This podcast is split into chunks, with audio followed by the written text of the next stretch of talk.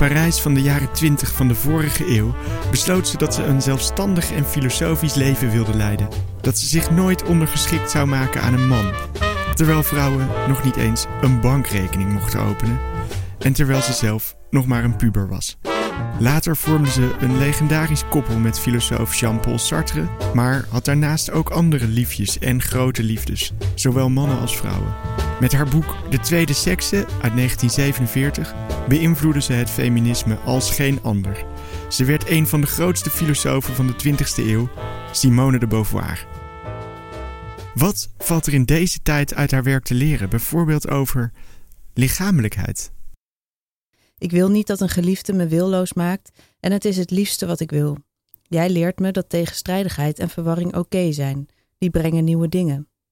Mijn hernieuwde bewondering voor u spruit voort uit iets wat altijd enigszins wegviel in het geweld van de grote woorden en universele uitspraken die in uw tijd zo in de mode waren. Uw aandacht voor lichamelijkheid. Welkom bij deel 2 van de Beauvoir podcast. En we praten in episode 2 verder over Simone de Beauvoir, haar invloed, eh, het feminisme, haar leven, haar werk. Allemaal naar aanleiding van een nieuwe biografie van Kate Kirkpatrick en een brievenboek van 16 Nederlandse en Vlaamse schrijvers die reageren op Simone de Beauvoir, op hun liefde voor Simone de Beauvoir. Uh, ofwel hun vrevel met Simone de Beauvoir. Twee van die schrijvers zijn hier om daarover verder te praten. Marjan Slop, filosoof en schrijver, Volkskrant columnist, met haar boek Het Hersenbeest. Nee, niet het. Gewoon hersenbeest, ja. Met haar boek Hersenbeest won ze de Socratesbeker in 2017. Welkom Marjan. Dank je. Ook Daan Borrel is hier, schrijver en freelance journalist. Uh, in haar eerste boek Soms is liefde dit onderzoekt ze de vrijheden en beperkingen van haar seksuele verlangens als vrouw en pleit ze voor seksualiteit en denken die meer belichaamd zijn. Welkom, Daan. Klopt dat wat ik zeg? Ja, ja, dat klopt. en uh, om maar meteen met de deur in huis te vallen, want volgens mij is dat het thema wat, wat jullie wel een beetje bindt, wat betreft het denken over Simone de Beauvoir. Die lichamelijkheid. Um, en daarom wil ik jullie ook vragen, misschien moeten we daar maar eens gewoon mee beginnen. Uh, om allebei een fragmentje voor te lezen uit die brief die jullie geschreven hebben. Die brieven aan Simone de Beauvoir. Um, zullen we met jou beginnen, Marjan? Goed. Oké. Okay. Mijn hernieuwde bewondering voor u spruit voort uit iets wat altijd enigszins wegviel in het geweld van de grote woorden en universele uitspraken die in uw tijd zo in de mode waren. Uw aandacht voor lichamelijkheid. Het lichaam was nooit zo'n serieus onderwerp van filosofie. Filosofie wendt zich tot de geest, nietwaar? Bovendien zijn lichamen ontegenzeggelijk bepaald door tijd en plaats, wat hen veel te contingent en vergankelijk maakt voor hemelbestormers die universele waarden willen blootleggen. Uw lichaam liet zich echter niet onderdrukken. Volgens Lisa Apiganesi, een van uw biografen, was u sensueel en had u een hartstochtelijke liefde voor de natuur. U maakte bijvoorbeeld graag in uw eentje stevige dagtochten door het ruige achterland van Marseille. Als intellectueel doorbrak u taboes door seksuele honger en jaloezie te beschrijven. En u kon heel goed naar lichamen kijken. Naar blakende lichamen, naar vermoeide lichamen, naar oude lichamen. Zo beschrijft u in De Ouderdom, Situatie en Zingeving in de Laatste Levensfase, uw encyclopedische werk uit 1970, hoe het is om te leven met een oud lichaam.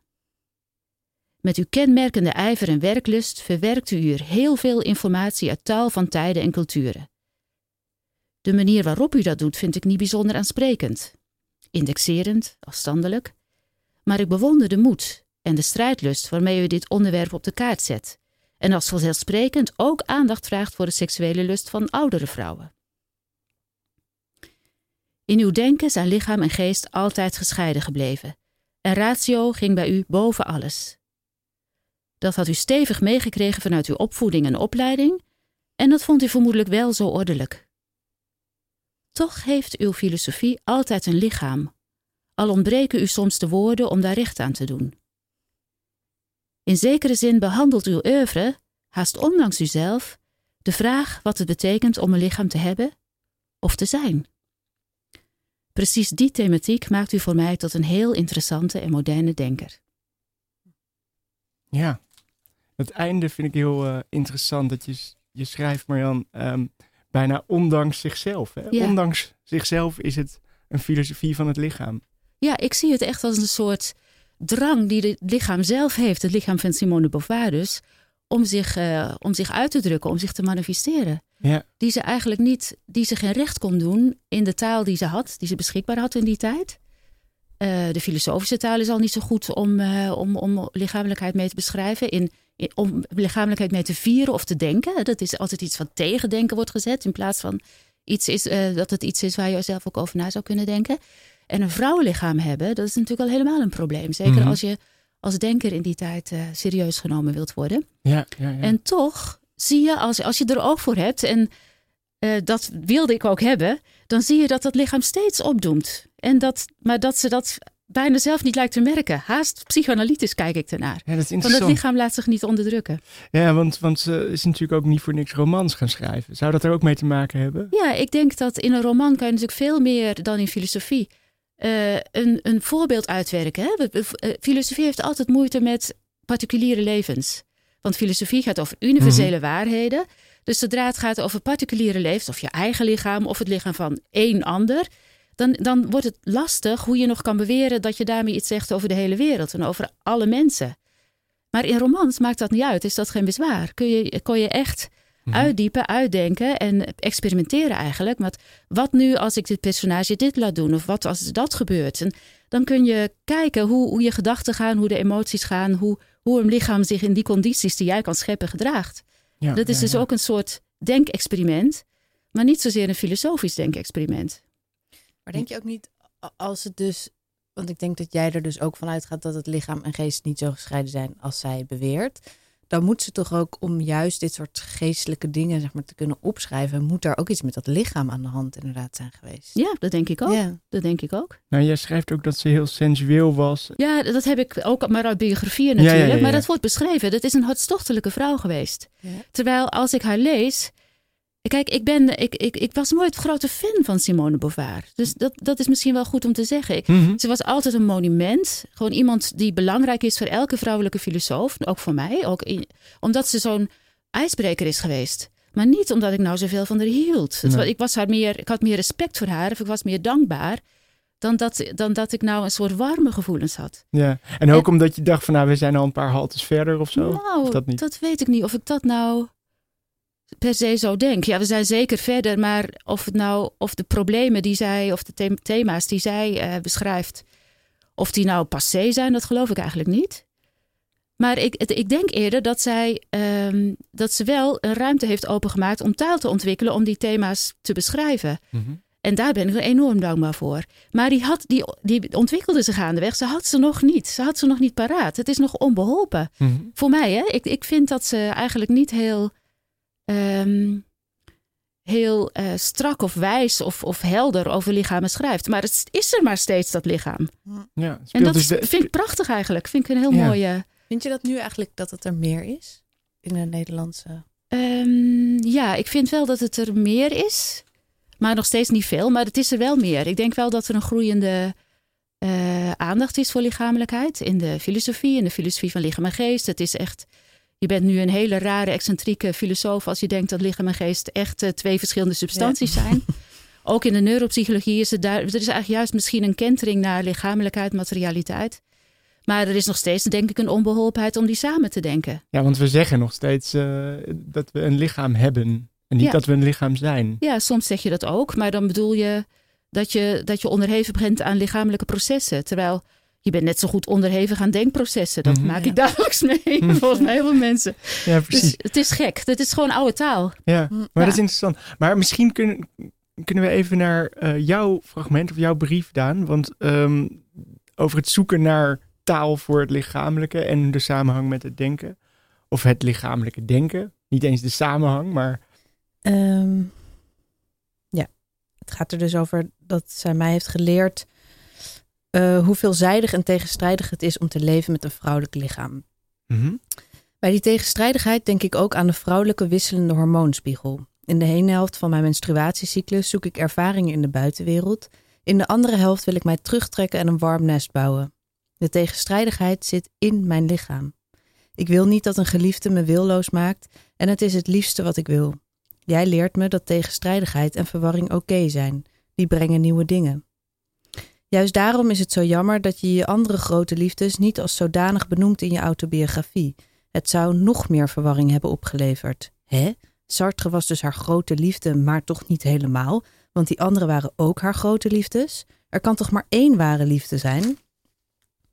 Door hen te negeren, waar je vast je goede redenen voor had, blijft de liefde toch dualistisch. Die ene grote liefde tegenover de rest. Die ene ware verbinding tegenover minder ware verbindingen.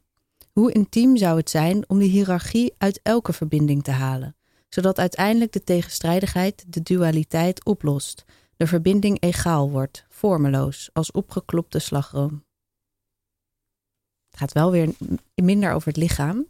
Nou, dat zou ik niet Maar- per se zeggen.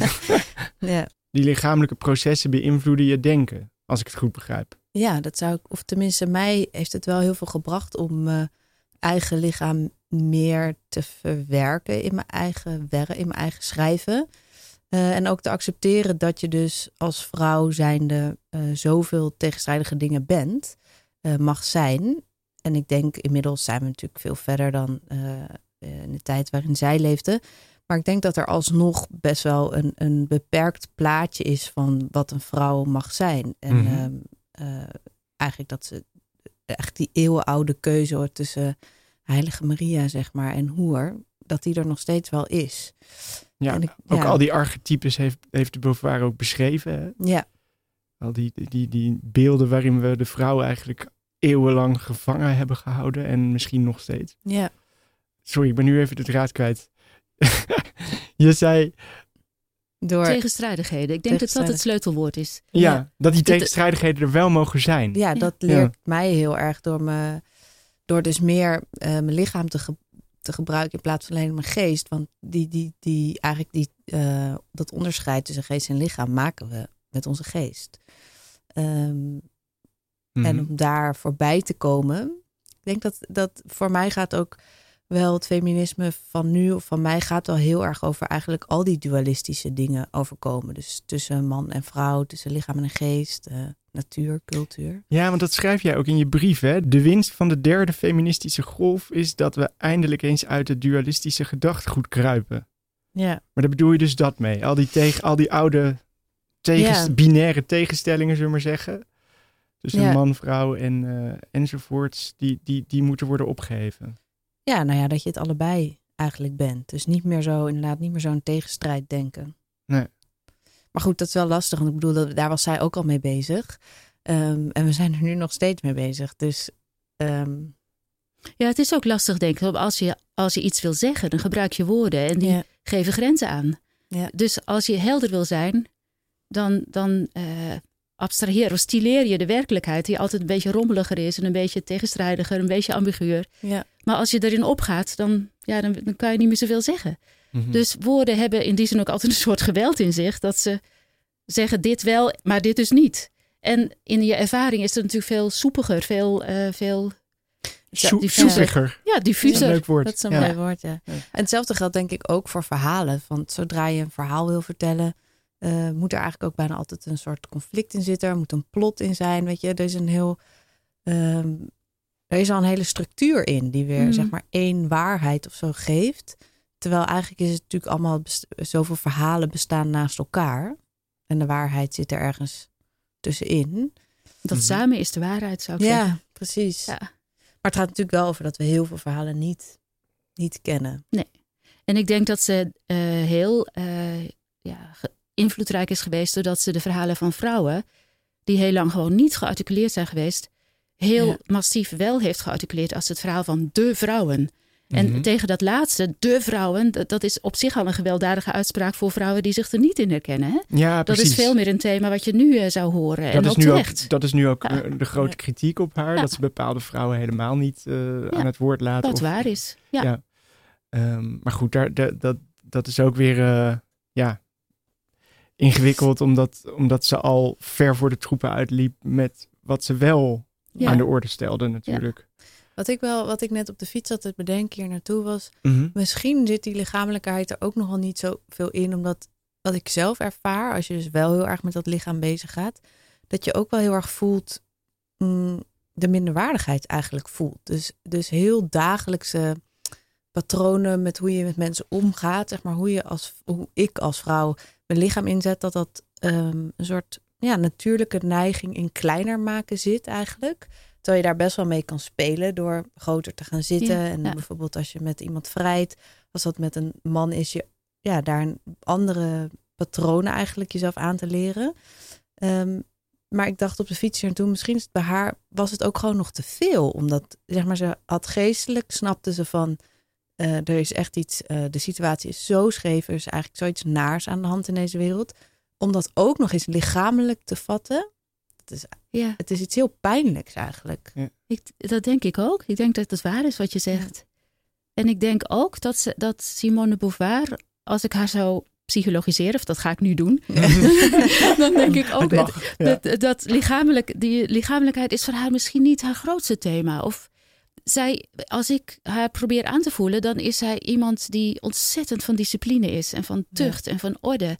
Dus ze disciplineert haar lichaam ook zo sterk. Ze kan Ja. het niet toestaan dat ze dat dat maar wat fladdert, dat het maar wat doet, dat het misschien een beetje lui is af en toe of sensueel of wat dan ook. Maar je zou, Dat haar wel je zou haar wel een soort yogales eigenlijk Ja, je zou gunnen. gunnen.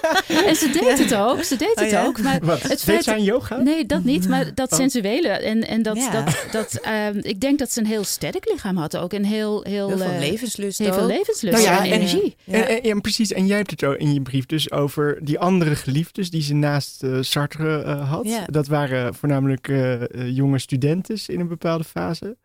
Eh, dus vrouwelijke studenten, weten veel mensen ook niet, denk ik. Ehm, en Nou, daar gaf ze zelf, Sartre, hè? ze poetst dat wel weg uit haar geschiedenis. Ja, dat kwam Toch? pas Dat- later in haar brieven kwam dat, kwam dat naar buiten met, met hoeveel en eh, hoeveel mensen. Terwijl ze volgens mij wel er wel eerder over eigenlijk laat zien van het, het is ook een soort ethisch vraagstuk met wie je gaat. Dus volgens mij is ze er wel heel erg mee bezig. Want het was dan wel zo dat bepaalde vrouwen zij dan niet heel erg van hun hield, geloof ik. Hm.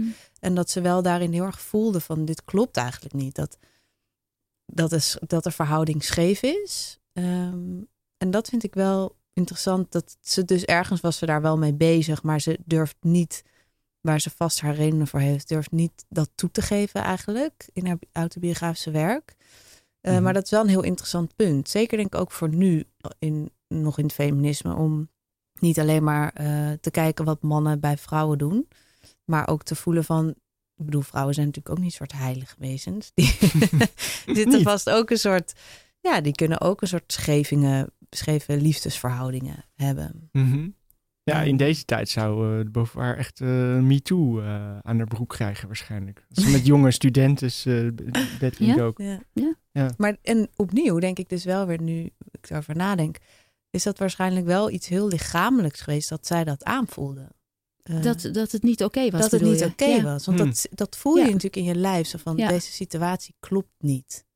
Dat denk, ik- zo zie ik het ook. Zo Ja. wil ik het natuurlijk ook wel een beetje Ja. zien. Maar dat lijkt me wel aannemelijk. Ja. Ik denk ook dat dat een van de redenen is dat ze er niet over schreef. Dat ze Ja. inderdaad voelde van... eh, achteraf bezien kan ik niet zeggen dat ik hier eh, goede existentiële keuzes heb gemaakt, zou Ja. ik maar zeggen. Wat, wat past bij eh, wie ze wilde zijn als publieke figuur. Maar dan had ze dat toch juist kunnen beschrijven? Als Ja, in, maar je hoeft toch niet dat- alleen maar je, je, je, Ja. je geslaagde eh, dingen te beschrijven. Weet je, dit speelde in de jaren, wat is het, de jaren 30 of zo, hè? ja, Moet je je voorstellen, ja. of jaren 40? jaren 40 ook, ja. Ik weet het niet Nee. hoor. Of, of dat, het was niet zo gebruikelijk om dit soort ver intimiteit. vooruit. eh, Ja. Ja. het, idee van privacy was toen ook heel anders, denk Ja. ik. En van wat je. Ook, ook de verantwoordelijkheid die hoort bij een publieke figuur zijn. Dan moet je er geen Ja. schimmige ambiguïteiten de, de publieke sfeer in zou Nee, precies. En, er- en ze had natuurlijk ook al genoeg kritiek te verduren. Dat blijkt ook in die biografie. En, en daarin was ze misschien ook strategisch bezig. Maar ja, Ik kan me ook wel voorstellen dat ze daar ook harder van is geworden hoor. Zo eh, als een van de eerste vrouwen inderdaad als publiekelijk figuur. mhm. Het is denk ik, ja, dat maakt je ook als je daar geen methode hebt om mee om te gaan. Kan ik me zo voorstellen dat je daar zo ehm, ja, een schildje om je heen bouwt. Mhm. Jij schrijft ook over gelijkwaardige liefde in je brief, Daan. Ehm, is, is Simone de Beauvoir daarin dan ook nog eh, een voorbeeld in jouw ogen? Of juist niet? Of laat ze je er alleen over nadenken? Mm, ja, ik denk een beetje het laatste. Eigenlijk, eigenlijk wat Mar Marian ook zei in het begin. Dat je wel uh, ziet van ze heeft hele grote dingen opengebroken. Maar we zijn nu natuurlijk al veel verder. Maar we waren hier niet geweest zonder, Zonder haar, haar. werk. Ja. Ehm, en eh, dus ze schrijft, vind ik, en nog steeds ook wel dingen die, die nog steeds ertoe doen. Alleen ik zie wel echt hoe, hoe moeilijk het. Of ik vind het zelf ook nog best lastig om die gelijkwaardige liefde. En opnieuw gaat dat weer over die lichamelijkheid. Heel Mhm. vaak wil ik dat eigenlijk helemaal niet voelen. Dat ik me soms vanuit mezelf onderdanig opstel, bijvoorbeeld. Ehm, dus het is wel echt een dagelijkse activiteit, ja, die gelijkwaardige liefde. Mhm. Het en moet ook- steeds opnieuw worden bevochten. Ja, ik vind wel dat ze heel erg zo een soort, toch wel naar een soort ehm, verlossing zoekt via, Via die, liefde. via oh ja, liefde. toch wel. Terwijl ze zich als, als, als puber eh, voorneemt om dat niet te doen. Omdat de liefde eigenlijk ernaast moet zijn. En dat de Ja, liefde dat- niet alles moet overschaduwen, Ja, dat zegt ze natuurlijk ook heel erg. Hè? Van vrouwen moeten niet alleen met de liefde bezig zijn. Maar dan heb je het dus over. Ik bedoel, ik zou willen dat ieder mens alleen maar met liefde hoeft bezig te zijn. Maar dan heb ik het niet over een vriendje of een verkering hebben. Maar liefde in de zin van aandacht voor. Wat zij eigenlijk denk ik ook heeft. Wat Mhm. Marianne zei, dat ze gaat wandelen door de natuur. Mhm. Dat is ook liefde. Aandacht voor dat hebben. En het is zeker vieren van lichamelijkheid. Om je levensenergie te voelen als je, Ja. als je gewoon in je eentje door, eh, door een wild achterland struint. En, Ja. en je sterk voelt en, en geniet. En eh, van jezelf op aan kan. Van je lichaam op aan kan. Dat vind ik een heel mooi beeld. Dat is een Precies. troostend beeld. Ja. En in die zin heeft zij nog eigenlijk dus best wel een gebrekkig begrip van de liefde. Mhm. Omdat ze dat telkens koppelt wel aan Sartre of die andere geliefdes. Ja. Ik vind de liefde die ze voor haar moeder heeft, die vind ik ook heel mooi. Dat, Mm. Daar schrijf ik ook iets ja, daar over in schrijf mijn brief. iets over, Ja. precies. Ja, en ze, ze heeft een hele moeilijke verhouding gehad met de moeder. Hè? Dat een, een hele burgerlijke dame was die eh, helemaal niet achter haar keuze stond. En, eh, en haar heel onnetjes vond. Wat natuurlijk het verschrikkelijkste was wat je als eh, burgermeisje kon zijn. Onnetjes. Maar daar, goed, daar heeft ze denk ik mee gebroken. Met Simone de Beauvoir met, eh, met, met allerlei pijn tot gevolg. Mhm. En op het laatste ligt haar moeder heel zwak, ziek, op een, eh, in een ziekenhuisbed. En dan ziet ze dat lichaam wegkwijnen van de moeder waar ze zo'n moeilijke verhouding mee heeft. En ze is er dus wel. Eh, en ze, ze probeert zich te verhouden tot het lichaam van de moeder. En sterker nog, op een gegeven moment begint ze zichzelf te zien in het lichaam van de Mm. moeder. En begint ze haar moeder te zien in zichzelf. Ja. En dat vind ik een hele ontroerende, bevrijdende passage. Ook al is het geen prettige situatie, is het alsof er daarmee allerlei eh, dualismes eigenlijk wegvallen. Tussen Ja. een scheidingen tussen jij en ik, tussen oud en jong misschien, tussen ehm, ziek en, en gezond. En ik vind dat een hele tedere, eh, inderdaad aandacht, aandachtige en hele liefdevolle manier van eh, het lichaam beschrijven. Mhm. Die, die ik heel prachtig vind eigenlijk. Ja, ik vond het heel mooi dat je dat erbij had gehaald. Hoe ze die mond beschrijft, Ja. inderdaad. Ja. ja. Ja, dat, dan zie je wel echt dat ze er eigenlijk heel erg mee bezig is. Ja. En je merkt ook dat, dat ze ook weer haast ondanks zichzelf, zo heb ik de, haar dus heel erg gelezen. eh, Ze had helemaal geen zin in zo'n zieke moeder. En ze dacht, nou ja, weet je, moeder is ziek. Ja, ze is ook al best oud. Nou goed, dan gaan we gewoon netjes dat sterfbed zijn. managen Ja, of zo. Ja. En dat lukt helemaal niet. En ze ziet haar niet als, als een oude mens die nu eenmaal doodgaat omdat het in de loop der dingen ligt. Maar als haar moeder die, die eh, aan het sterven is en die aan het struggelen is. En ze gaat allerlei strijd aan met het ziekenhuispersoneel. Hè, wat mensen doen als ze gewoon verdriet hebben. En eh, opeens is er dan bijna een soort verlichtingservaring. Ook al is het heel naar, hè, omdat ze... eh, dat zijn mijn woorden, hè, niet haar Mhm. woorden. Maar omdat ze die, die samenvloeiing heeft met die moeder. Ja. Juist in dat kwetsbare lichaam. En, dat, en ik, ik vind het... Ze kan daar niks mee. Hè? Het, het is Maar- iets wat haar overrompelt. Maar ze schrijft het wel mooi op. Juist. En dat vind ik dus... Dat vind ik waarlijk schrijverschap. Ja. Dus dat Ja, is dus volgens dat je- mij ook wat jij pro- probeert te doen, Daan. Ja. Dat je dingen in jezelf ervaart waar je, waarvan je eigenlijk, waar je misschien helemaal niet blij mee bent en wat je ook niet goed begrijpt, maar wat er is, wat zich opdringt en wat je dus wel in die zin respecteert. Mhm. En dat vind ik echt de moed. En dat, eh, en dat heeft ze, voor mij toont ze dat op dat moment, eh, soort momenten. Mhm. Veel meer dan als ze, als ze de voorbeeldvrouw wil zijn of de voorbeeldfilosoof die eh, de ideale relatie met Sartre heeft. Mhm. Ja. Dat, dat boeit mij eigenlijk niet zo. Maar dat, dat, dat, dat moedige zit hem erin dat ze zo eerlijk eh, iets durft op te schrijven. Zo'n observatie en zo'n ervaring. Zonder dat ze dat zelf helemaal kan snapt. doorgronden. Ja, ja. En, en ook zonder dat ze daar per se een boodschap mee heeft. Nog niet. Nee. Dat is ze nog aan het ontdekken. En eh, waarnemen is natuurlijk een lichamelijke activiteit. Hè? Mhm. Dus ze zet al haar senses, haar zintuigen, zet ze gewoon open. Ze laat de wereld komen. Ja. En dat is, eh, dat is ook een liefdevolle bezigheid. Liefdevolle activiteit, Mooi. Ja. vind ik. ja. Ja, dus Heel in die zin... We zijn er allemaal een Ja, beetje stil van. ja, dat is zeker. Ja, dat is echt, echt heel mooi gezegd. Ja. Ja. En, eh, maar doet ze, dat, doet ze dat ook in haar romans? Of, of is dat dan toch weer meer geconstrueerd en, en, en eh, afstandelijker wat jou betreft? Ja, wat mij betreft wel. Maar ik, ja, misschien zou ik het nog eens met die blik opnieuw moeten lezen. Hè? Misschien doe ik er nu onrecht. Maar ik ben daar niet echt heel erg door gegrepen door haar romans. Nee. Nee. nee. Ik vond die brief, eh, of die brief over die moeder, die vond ik heel mooi. Of dat boekje over die moeder. Eh, en Maar ja, vind, zit daar dan, want ik heb dat niet gelezen, maar dat stukje dat jij beschrijft, lijkt ook wel of ze daar dat strenge, ze is daar natuurlijk ook wat ouder al, alsof ze dat strenge een beetje loslaat. ja. Ja, ik denk het wel. Het was ook eh, voor haar natuurlijk een wiebelig moment. Ja. Ik denk voor iedereen, als, als een van je ouders sterft, dat is, eh, dan, sta je, dan sta je te schudden op, op, je, op je pootjes, zou ik maar zeggen. En zo zag ze zichzelf niet graag. Zo zag Sartre haar niet graag. Nee, Het dat schijnt is, dat ze tranquilizers slikte toen... eh, als, ze, als de Sartre weer onder ogen moest Ja. komen nadat ze bij moeder was geweest. Nou ja, Ja, ze mocht niet emotioneel over liefde hem, gesproken. eh, Dat vind ik dan zo... Oh. Oh, dan denk ik, dat is geen liefde. Nee, het is Nou echt... ja. eh, Sartre komt er niet zo goed af eh, tot nu toe in deze podcast. eh. Oh ja, maar In de- niet in nee, die nieuwe biografie. in de biografie ook niet natuurlijk. Maar da- dat is ook wel de reden omdat we daar natuurlijk allemaal over hebben. Maar sowieso, ehm, ja... Dat, dat, dat, dat er ook eh, eh, heel veel ideeën die aan hem toegeschreven werden, worden. Ehm, en waar de Beauvoir dan vervolgens eh, haar versie van zou hebben gemaakt. Dat het toch in wezen andersom is, in veel Mhm. gevallen. Dat ze inderdaad eh, nogal de schijn ophield op allerlei manieren. Om hem maar eh, te pleasen. Nou ja, Ehm, en ik zit nu ook te denken dat ze zo strak was, kwam misschien natuurlijk ook, ja, als ze dat, als ze zoveel niet mocht voelen van hem Mm. en van zichzelf, dan word je natuurlijk, als je dingen onderdrukt, word je ook hard. En wil je ook regels.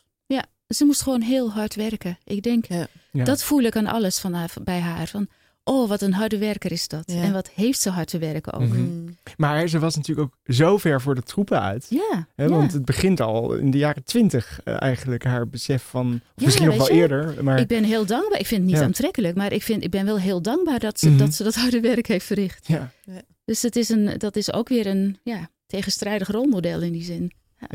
Maar blijft het dan toch interessant om te, om te lezen voor jullie? Of denk je na, dit, eh, na deze uitnodiging van, eh, van een uitgever om daar eens over na te denken van eh, voorlopig wel weer even klaar met de Beauvoir?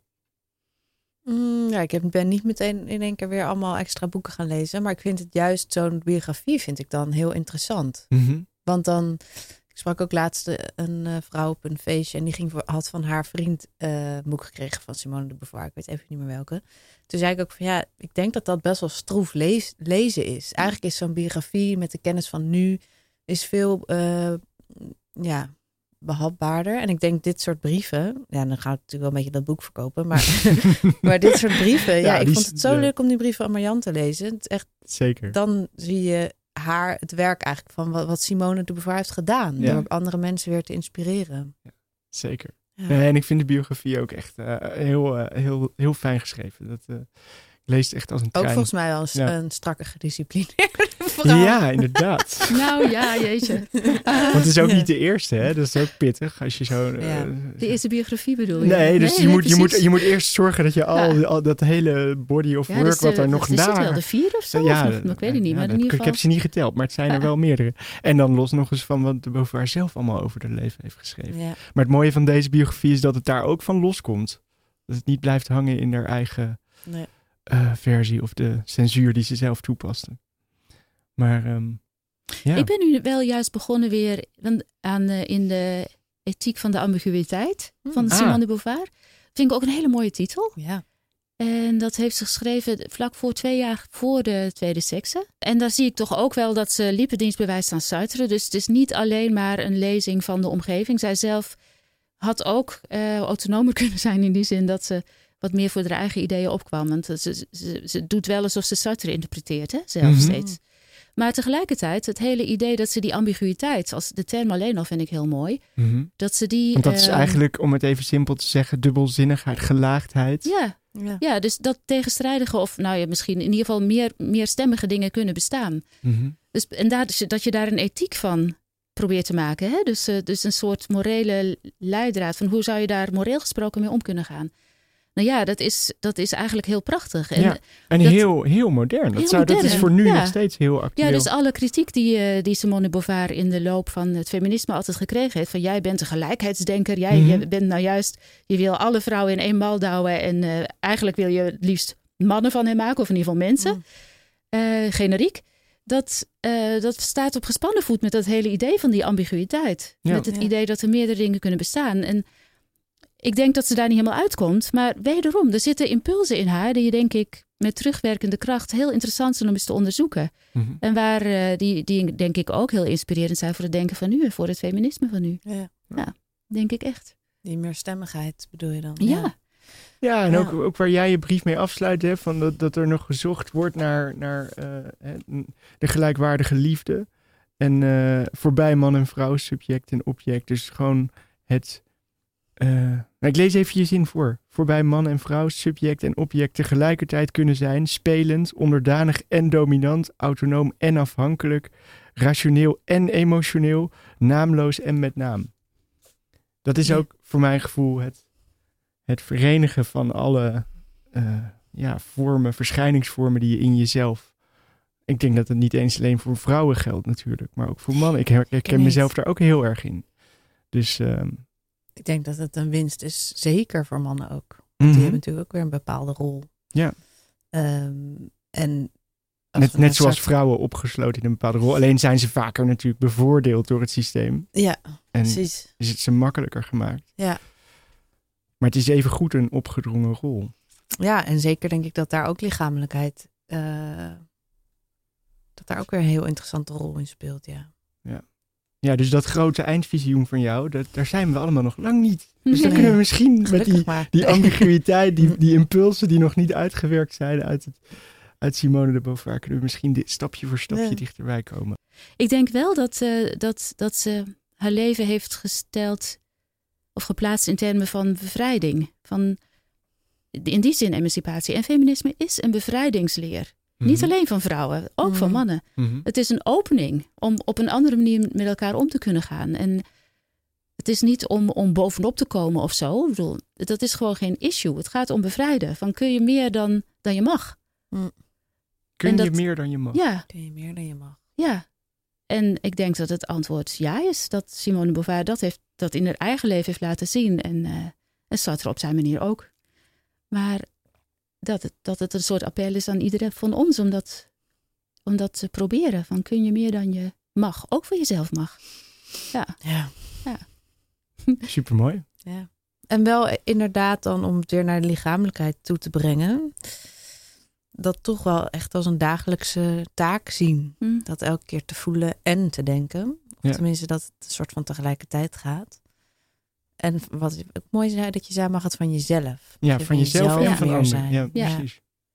En soms had ik gewild dat ze wat zachter was geweest voor zichzelf. Hè? Mm, ja, Dat Ja. voel ik wel heel erg aan bij Ja. haar.